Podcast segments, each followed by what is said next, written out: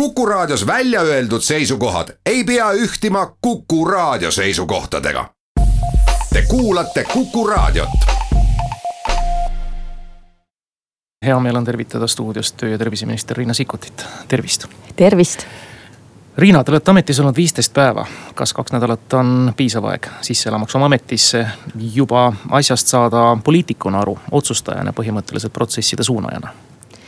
Mm, kaks nädalat on parasjagu pikk aeg, et väga paljud sellised rutiinsed asjad, mis, mis, mis toimuvad igal nädalal, on see siis valitsuse istung või, või äh, sotsiaalministeeriumis majasisesed koosolekud, et noh, neid asju ma olen nüüd kaks ringi jõudnud teha. Äh, aga kindlasti on veel just nagu poliitilise poole peal väga palju, mida õppida, et noh, seda kahe nädalaga selgeks ei saa. aga, aga vaieldamatu väga huvitavad kaks nädalat on olnud no teil on ka esimesed ristid juba käes haigekassa nõukogu esimehena. jaa, just täna hommikul oli haigekassa nõukogu koosolek, et sealt tulen, jah. tuli seal midagi pöörast ka otsustada?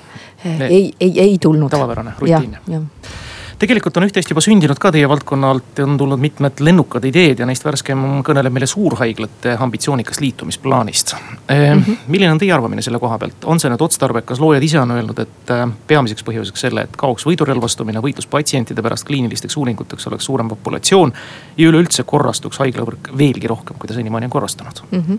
ja tegelikult, eh, kui, kui vaadata seda ettepanekut, et noh, see idu või algus on ikkagi arstiõppes. see, et arstiüliõpilased, residendid, et nemad saaksid siis nüüd äh, väga head laiema patsientide ringiga kokku puutuda, saaks äh, laial ringil erialadel seda õpet kahes haiglas. Põhja-Eesti Regionaalhaigla on Tartu Ülikooli kõrval niikuinii väga oluline residentuuri baas juba praegu et noh, miks mitte seda koostööd tihendada ja arstide ettevalmistust äh, kahe suurhaigla koostöös teha. ja sinna siis lisandub veel see kliinilise teadustöö komponent. et tegelikult me soovimegi ju, et väga paljud arstid tegeleksid omal erialal ka teadustööga. et see on see, mis äh, noh, aitab ka tulevikku vaadata, ravi kvaliteediga tegeleda, ravijuhiste väljatöötamises osaleda. et, äh, minu arust väga positiivne, et et, et sellisel tasemel rõhutati seda kliinilise teadustöö olulisust, selle, selle, selle rolli suurendamist ja, ja ka rahvusvahelises äh, sellises teadustöös osalemist nii et kui see lugu peaks nüüd ükskord jõudma siis otsustajate, näiteks valitsuse lauale, ma küll ei tea täpselt, kas on valitsuse pädevuses neid haiglaid liita või mitte. et teie oma poolt hääle annaksite äh,? tänase teadmise juures. ja seda on vara öelda, et tegelikult nii mul, minu jaoks on sümpaatne see, et ettepanekuga tuldi tegelikult nii varases faasis välja, et ei ole mingi valmis lahendus. noh, nüüd ongi idee, mille üle arutada ja mõelda, et kuidas seda ka siis ellu saaks rakendada. kogu see analüüs, et kuidas see välja näeb, mis see, mis, mis see finantsmõju on, et noh, see on alles tegemisel ja selle tulemusi veel ei tea. aga, aga noh, selline lihtsalt selle olemasoleva info põhjal, mina arvan, et see on hea mõte jah üsna esimestel tööpäevadel põrkusite kokku ka ühe üksikjuhtumiga, mis viitas nüüd laiemale küsimusele, see oli siis seitsmeteistkümne aastase neiu raske harvikhaigus, mille ravi nüüd paraku haigekassa ei toeta. nõukogu sai ka veel erakorras kokku ja mm, -hmm. ja otsustas, et nii ei saa. küll aga siis õnneks ülikooli kliinikumi lastefond. ja sealt siis tõstatus jällegi see küsimus, et haigekassa poolt valikusse võetud ravimid, millel on siis haigekassa tugi taga ja millele mitte mm. -hmm. tundub niimoodi, et mida aeg edasi, seda rohkem seesuguseid juhtumeid tuleb, vaadates nüüd kasvõi selle Kingitud Elu fondi poole, kus praktiliselt iga nädal on mõni appikarje juba noh püsti, abipalve mm -hmm. siis püsti. et kas need äh, valikupõhimõtted peaks ühel hetkel nüüd uuesti üle vaatama ja mingisuguseid aluseid selles osas muutma? Äh, noh ega ükski asi ei ole meil siin nii staatiline, et kindlasti tuleb tegeleda ka selle, nende rahastamise põhimõtetega. samamoodi koostööga siis eh, nende organisatsioonidega, kes siis praegu annetuste toel eh, neid inimesi toetavad. Eh, aga et noh, üldiselt see, see teema kindlasti muutub tulevikus olulisemaks, et noh, nii nagu me liigume personaalsema meditsiini poole, et noh ongi, tekivad kallimad, keerulisemad ravimid, mis mis toimivad väga spetsiifilise diagnoosiga või väga spetsiifilise patsientide rühma jaoks. noh, enam ei ole nii, et meil on aspiriin, mis sobib peaaegu kõigile. või üks teine asi. jah, et, et, et siin et see suund on sinna, see on see, millega ravimifirmad ka oma teadusuuringute raames tegelevad noh, ja nii me saame ka paremaid ravitulemusi, kui, kui see ravim on spetsiifiliselt sinule. sinu ükskõik, mis on sul see, need sinu kehased valgud või, või geenid, just sellele sobiv ravim ja, ja noh, on arusaadav, et need ravimid ongi kallimad. ja, ja eriti kuna kasutajate arv on väike, turg on väike, et ja noh, see, see on midagi, millega me oleme praegu vastamisi, tulevikus see teema tõuseb ilmselt veel teravamalt üles, et sellega tulebki tegeleda, kuidas me neid olukordi lahendame ja see on nüüd omaette küsimus, tõepoolest, me ei saa igale inimesele eraldi tema viis tuhat noh eurot maksvat näiteks kuuri ju või saame, ei, ei vist ei saa, seejuures, et neid soovijaid ja neid isiksusi nii palju. see, see, see viis tuhat tegelikult ei olegi väga kallis nüüd Aha, siin ravimimaailmas vabandust jah, ma ei, ole nüüd nii kursis, aga noh, põhimõtteline noh -hmm. küsimus sellest, et. selge, et on mingisugused noh, vererõhuravimid, mis lähevad kõik in corpore ja, ja nii ja, edasi, aga, aga spetsiifiliste ravimitega. see on siis valikute küsimus, kes selle valiku peaks tegema? Äh, noh, ega siin ei ole mingisugust sellist, et, et, et siin on konkreetne inimene, kes otsustab, ega see ongi ühiskondliku arutelu küsimus. et kuhu me selle piiri tõmbame, et kas me laia ringi teenuseid või ravimeid hüvitame kõigi jaoks. või me ütleme, et inimese vastutus mingisuguste lihtsamate, odavamate teenuste eh, katmisel on endal suurem.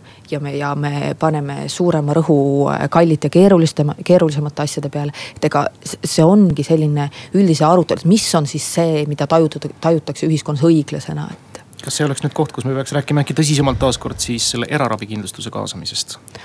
Oi, aga, aga mis, mis võitu see eraravikindlustus annaks, et, et noh, need inimesed, kellel on parem tervis, parem geneetiline pagas ja kõrgem sissetulek, need kindlasti võidaksid.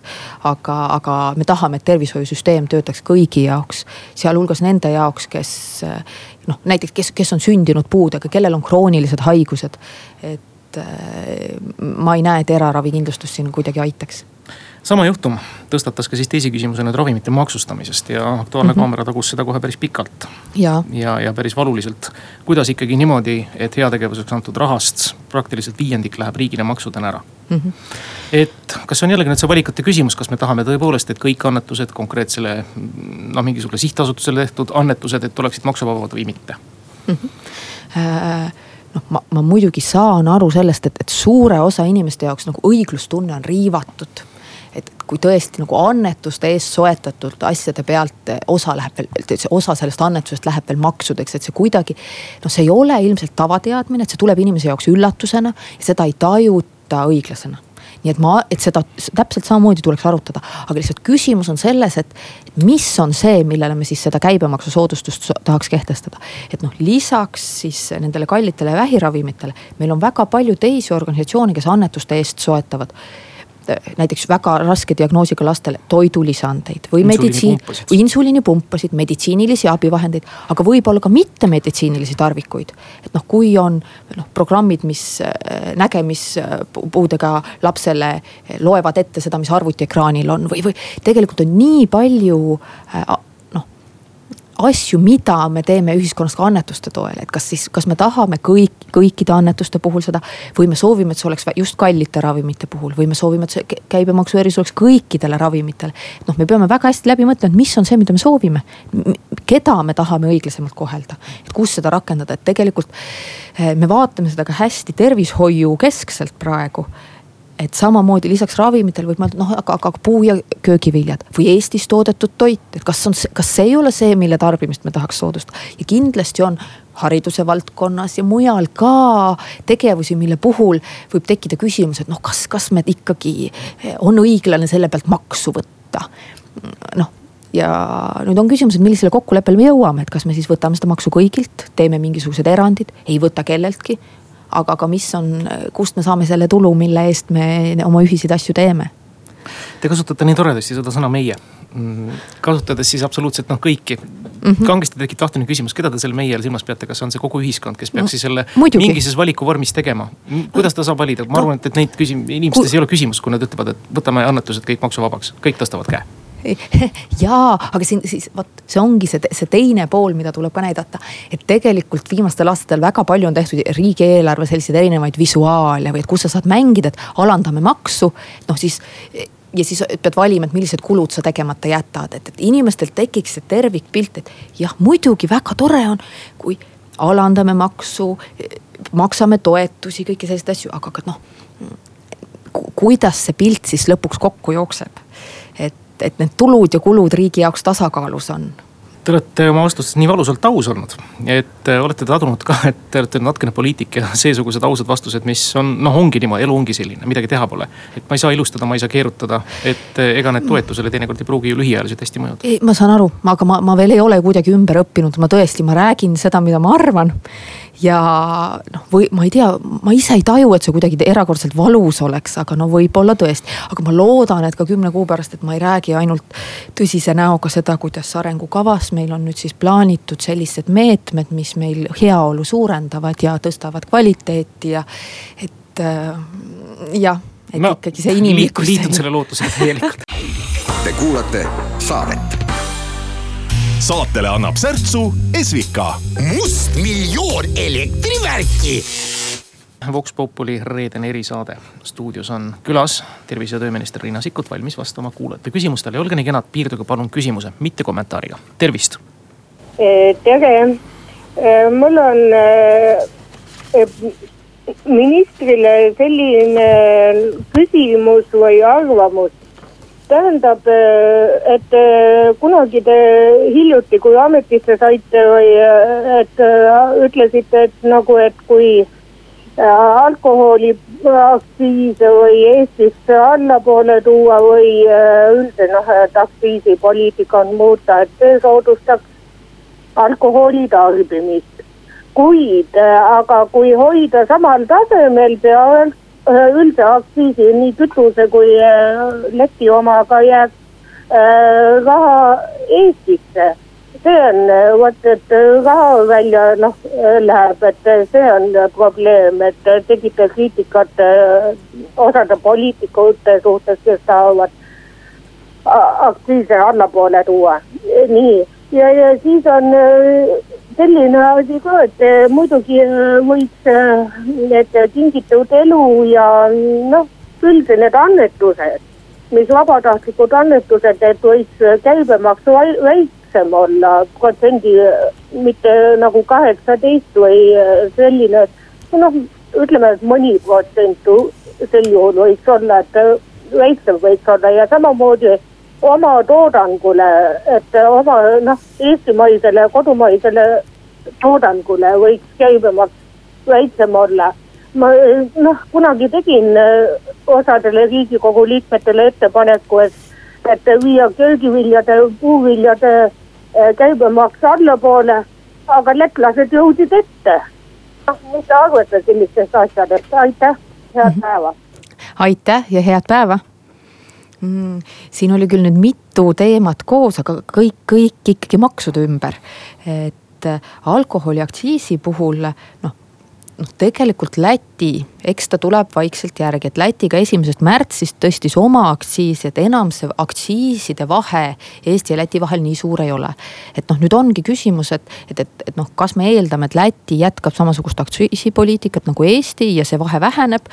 et, et mis ma arvan, et juhtub ja, ja selles mõttes, et plaanis praegu aktsiiside osas, noh, vaatame nüüd selle mõju ära, vaat-, et las see olukord nüüd rahuneb, vaatame, mis see eh, mõju on olnud tarbimisele, maksulaekumisele.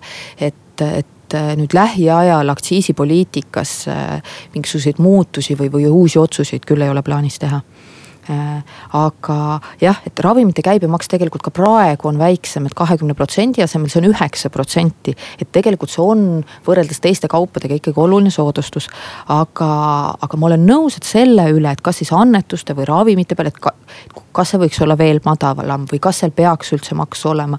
et, et selle üle võiks kindlasti arutada äh, ja, ja samasse eh, teemasse siis läheb see eestimaise toodangu käibemaks.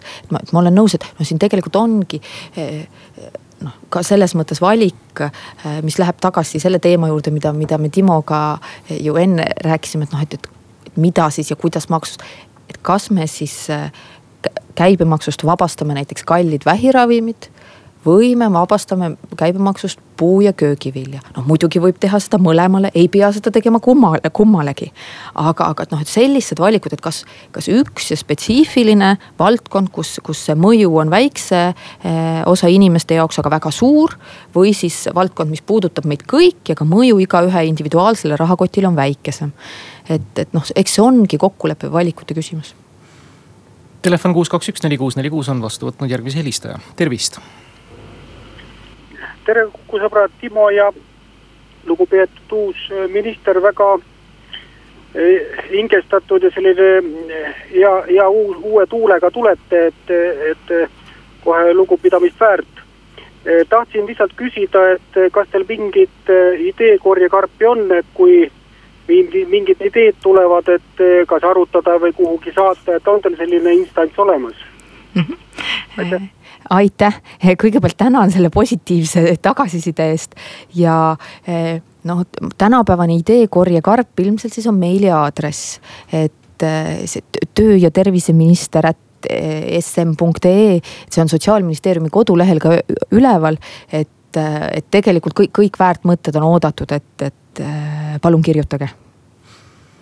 kuus, kaks, üks, neli, kuus, neli, kuus on taas vaba, ootamaks küsimusi töö- ja terviseminister Riina Sikkutile. kas teil kodanike vastuvõtt ka on ministeeriumis? ma ausalt öeldes ei teagi, kuidas see käib, et äh,. tasub uurimist. jah, tasub uurimist, et võib-olla tõesti on, jah. meil on üks kodanik praegu aga telefonil, tervist. tere, vaba minister, soovin õnne uue töökoha puhul ja loodan, et teie aitate selles küsimuses ma kohe ütlen, kas te teate invaliidi taksolimiiti mm.? Ah, ja tänan õnnesoovide eest, ei tea taksolimiiti. no ühesõnaga, see on teoreetiliselt kolmkümmend üheksa, praktiliselt eh, oma osalus üks neljandik, nii kui esimest korda invaliid istub taksosse, üks neljandik maha. iga sõidu lõpus tulid ka taksojuhid võtavad veel umbes üks neljandik.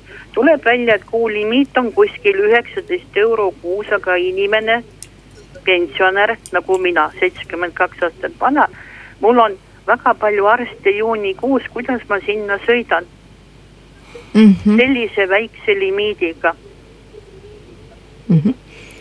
see ja tänan, see, see oligi kõik küsimus praegu jah äh, teema mind muud ei huvita, ma olengi see liikumisinvaliid, raske, mm, raske puue ja ma ei saa ei käia, ei seista, ma kuidagiviisi liigun mm, -hmm. hüppan siin mööda korterit kahe karguga, käia ma üldse ei saa väljas mm. -hmm.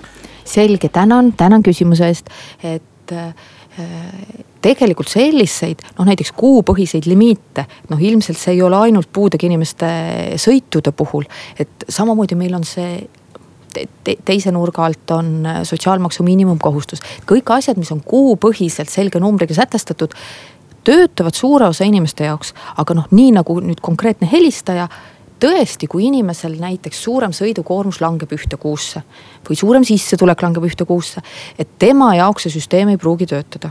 et see tegelikult on ka üldine suund meil kõigi, riigil nagu kõigi teenuste ja asjade puhul, et muuta see paindlikumaks.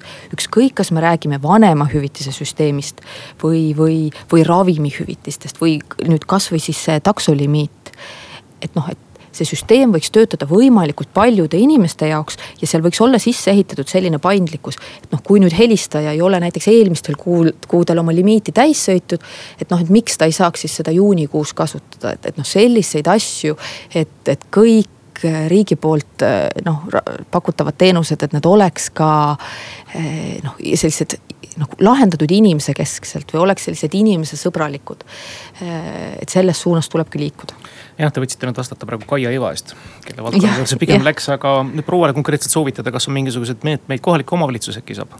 Äh, ja, ei, selles mõttes, et esimene koht, kuhu pöörduda kindlasti ongi kohalik omavalitsus muidugi. just. kuus, kaks, üks, neli, kuus, neli, kuus on taas helisenud, tervist.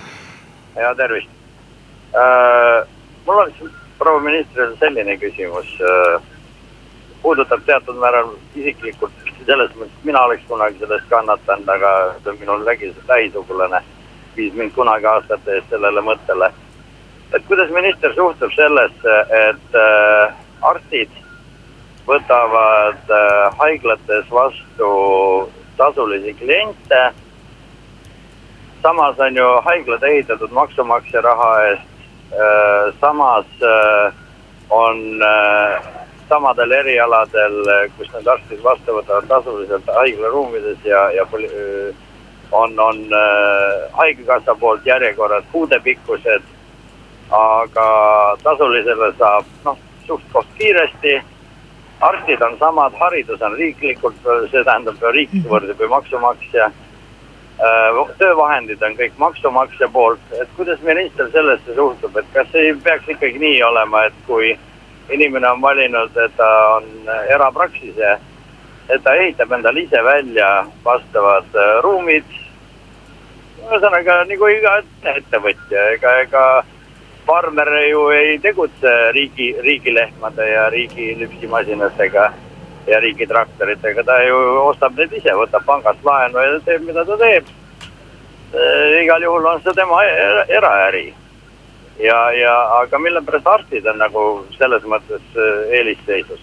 ja, ja teine küsimus, kuidas proua minister suhtub sellesse mõttesse, et arstid, eh, kes saavad eh, maksumaksja eest hariduse, väga suur osa neist lahkub kohe peale ülikooli lõppu välismaale. kas ei oleks mõistlik kehtestada neile ja mitte ainult neile, ka muidugi teistele spetsialistidele, aga kuna ta on tervishoiuminister, siis te, noh mm -hmm. tema puhul nagu arstidest, et kas ei oleks siiski mõistlik kehtestada mingi kohustuslik töötamisaeg Äh, Eestis, enne kui ta läheb välismaale, see võib olla ka ajatatud näiteks, et las ta siis töötab viis aastat Soomes ja katsetab ja praktiseerib seal Soome inimeste peale ja kui ta on midagi ära õppinud, on tal kohustus tulla tagasi näiteks viie aasta pärast, viieks aastaks. Ja kui ta ei tule tagasi või kui ta ei täida seda viie aasta kohustust teatud aja jooksul, siis ta peab selle hariduse kinni maksma. tänan. Tänan, väga-väga äh, huvitavad küsimused, et äh, selle mm, arstide tasuliste vastuvõttude osas, et, et noh, tegelikult minu mulle ka sellised kahekiiruses, kiiruselised süsteemid ei meeldi. et, et kui sa maksad, siis, siis saad kuidagi kiiremini ja paremini. et eks tal oma põhjus on olnud, miks selline süsteem praegu töötab. aga ma olen nõus, et, et peab vaatama, et mis see, mis see, see nende tasuliste vastuvõttude nišš on või mis on need kaalutlused, miks, miks neid tehakse. ja küsimus on, et, kas tulevikus tõepoolest et samamoodi jätkata, et, et teatud ebaõiglus seal on sees. Ähm, ja teiseks see, see arstide haridus, mis tasuta on, aga, aga mida me siis paljuski rahastame välisriikide jaoks. noh, õnneks on muidugi see, et see Eesti arstide lahkumine on väga-väga palju vähenenud. et kui vaadata neid äh, terviseametist äh, võetud taot-, noh, et need, need need, need load või mis terviseametist tuleb taotleda, et välismaal, et sa saaksid siis tõendada oma eh, haridust ja kutset ja siis nende väljavõtmise arv on ikkagi noh, ma ei tea, kümme korda vähenenud võrreldes seitsme-kaheksa aasta taguse ajaga, et, et noh, see tõesti nii arstide kui õdede puhul see soov välja ränn-, välja rännata on, on väiksem. et et ja seetõttu võib-olla ei ole nii palju ka avalikus ruumis seda diskussiooni, et kuidas selle tasulise õppe ja, ja välismaale minekuga on ma ei tea, praeguste mahtude juures ma enam ei taju seda nii teravana, aga, aga arvestades seda, mis seitse-kaheksa aastat tagasi oli, et siis tõesti ma saan aru, samamoodi see oli selline õiglustunnet riivav asi, et me oleme ühiselt teie haridust rahastanud ja nüüd te lähete ära. et et aga jah, kui seda, seda lahendama hakata, see lahendus ei saa olla kuidagi selline meditsiinihariduse spetsiifiline. et see samamoodi kehtib siis nii IT-d kui semiootikat õppinud inimeste jaoks, et Äh, aga noh, seni on ikkagi olnud see, et, et noh, tõesti Eestis nii üldharidus kui praegu ka kõrgharidus, et see on nii suures osas ju tasuline, tasuta. Ja, ja et noh, see hariduse väärtustamine Eestis on olnud lihtsalt nii nagu kõrgel tasemel, et, et noh, et haridus on püha, haridus on eh, midagi, mis, mis, millel on juba nagu väärtus iseeneses. Telefonil kuus, kaks, üks, neli, kuus, neli, kuus on helistaja, tervist tere päevast, selline konkreetne küsimus. E, palju räägitakse depressioonist, ärevushäirest. kui praegu helistan, mul on vaja psühhiaatrile numbrit, number on septembrikuuks esimene võimalus. see pole nagu päris normaalne, mida teha siis? aitäh mm. -hmm. tänan täiesti nõus, kogu see vaimse tervise teenuste osa, sealhulgas eriarstiabi kättesaadavus, et see on tõesti murekoht. psühhiaatreid on meil vähe ja noh, nii nagu paar nädalat tagasi Päevalehes ka sai äh, lugeda, siis psühhiaatrid ise arvavad, et neid kunagi piisavalt ei saagi olema. aga noh, praegust olukorda kindlasti saab parandada ja leevendada.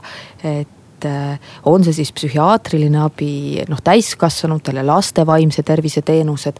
Äh, noh, kõik, kõik see juba stressiga tegelemine, millised need maandamisvõimalused on, et, et ei jõuaks, et ei olekski vaja psühhiaatri vastuvõttu minna. et äh, see on meil ka üks suur tulevikuteema. jah, aga, aga raske on konkreetset soovitust anda jah praegu. tuleb oodata, oodata lahendusi ja kokkulepet. kuus, kaks, üks, neli, kuus, neli, kuus on helisenud, tervist tere jälle, mul on ministrile jälle eh, üks eh, küsimus. mis tema arvab või mis te arvate, kui, et sellest valmis toidu ja soojast toidust ja kuumast toidust pakkumisest plastiknõudest, et kas see ei ole mitte kahjulik tervisele mina arvan küll, et on kahjulik, aga ma sooviks, et minister. aitäh küsimuse eest äh see on vist jah, rohkem küsimus tõesti, kas toitumisteadlastele, keemikutele, meedikutele. et, et mis see plastnõude ja, ja, ja seal toidu soojendamise, hoidmise, pakendamise mõju siis on, et mis need osakesed või mis need ained on, mis meil kehasse jõuavad. et ma, ma ise ei oska nüüd küll konkreetset vastust anda, aga eh, ma, ma näen, miks see küsimusi tekitab ja miks see murekoht on. järgmine helistaja, tervist. hallo, tere, tere. Äsja kõlas Kuku raadios reklaam, et äh, rinnavähk on ennetatav. küsimus selline, et äh, abikaasa soovis minna mammograafi bussi peale. et aga sealt öeldi, et vaja on perearsti saatekiri. ja perearst ütles selle peale, et, äh, et paraku on vahendid lõpukorral. täna on meil mai keskpaik, kuidas need vahendid siis juba lõpukorral on, aitäh jah, tõesti, ma ei oska öelda, kuidas selle perearsti vahendid lõpukorral on, aga rinnavähi ennetuses ja, ja mammograafia külastamine, sõeluuringul osalemine naiste jaoks kindlasti on väga oluline. ma, ma loodan, et teie, teie naine ikkagi saab saatekirja ja saab oma uuringu tehtud. kas ilma saatekirjata sinna tõesti ei saa? ma, ma ei ka ei oska öelda, see sõeluuring käib äh, sünniaastate kaupa, et igal aastal on need teatud sünniaastaga naised, kes kutsutakse. et äh, ma, ma ei oska öelda, et kas tõesti siis teiste puhul on kuidagi murekoht, aga. sest võiks arvata, et sellised tervise ennetusmeetmed võiksid olla küll need saatekirjavabad, aga no hästi. ei tea, kuus, kaks, üks, neli, kuus, neli, kuus on helisenud, tervist. tervist, mul on analoogne küsimus, nagu oli selle psühhiaatritega, nahaarstiga Mm -hmm. reklaamitakse, palun kontrollige, päike on aktiivne, melanoomid, asjad, aga kui tekivad need numbrid on alles sügiseks. kuidas, kuidas mõista seda äh, raviteenust mm -hmm.? noh, arstidel numbrid ei ole ainult jah, palun makske viiskümmend eurot, tasuline, saate kohe homme. see ei ole normaalne, eluaeg maksame neid maksusid. jah äh,, aitäh äh, noh, tõesti helistajate kõnete põhjal praegu jääb mul, noh see, mida inimesed kõige teravamalt tajuvad, ongi need eriarstiabi järjekorrad ja, ja. et noh, seal osas me peaksimegi siis nüüd äh, ka lisarahaga neid samme astuma, et teenus muutuks paremini kättesaadavaks, aga nüüd konkreetsele helistajale vastuseks, et noh jaa melanoomi kontroll või noh, see enne nahavähi ennetusena ongi oluline, tulekski regulaarselt teha, aga noh, kui praegu ei ole sünnimärki, mis olekski oluliselt muutunud, mille puhul ka näiteks perearst ütleb, et tõepoolest, et oleks vaja kohe nahaarsti juurde minna. et ilma sellise akuutse vajaduseta noh, ilmselt ongi võimalik ka kontrolliga sügiseni oodata kui juba jutuks tuli, siis need otsused on tehtud, lisaraha on tervishoidu leidnud, te jälgite selle täitmist ja, ja nüüd selle suunamist, et äh, üheksa poole kuu pärast, kui võib-olla Mhm. te saate ametis jätkata, me ei tea seda. äkki saate, et äh, kus maal võiksime siis olla eriarstiabi järjekordadega, mis nad praegu on ja mis nad selleks ajaks võiksid olla? Äh, no vot ega eriarstiabi järjekordadega on see, et me küll jälgime neid, aga see süsteem, kuidas seda tehakse. Noh, see, see tegelikult ju meile pilti ei anna, et kui praegu helistada ja ei ole ühtegi vaba numbrit, siis sa ei saa ennast kuhugi joonealusesse järjekorda panna. ehk siis äh, järjekorda sa saad panna nii palju, kui neid aegu avatud on, et tegelikult see järje, et järjekord on pikem, kui me numbritest näeme. aga noh, see lisaraha, noh, see, see tähendab ju haiglate jaoks mingit lepingumahu kasvu, mis tähendab rohkem vastuvõtte. noh, eks siis võib-olla siis järgmise aasta lepingutes võiks see kajastuda, et noh, selle aasta lepingud on juba sõlmitud. aga et siis järgmise aasta lepingute puhul saab seda vaadata. üks kõne ja see vist jääb tänase saate viimaseks, tervist. hallo. ja kuuleme ma käin tihti arsti juures, mul mitmed hädad on kallal. ja alati arst paneb digilukku ja peaks, peab panema. tähendab need kõik need analüüsi, analüüsi tulemused ja kõik epikriisid. aga siin ei ole kehtestatud tähtaega, millal need pannakse ja kas üldse pannakse. kui ma lähen järgmise arsti juurde, vaatan vereproovi andmeid ei ole, mine jälle uuesti torkima ükskõik mis andmed.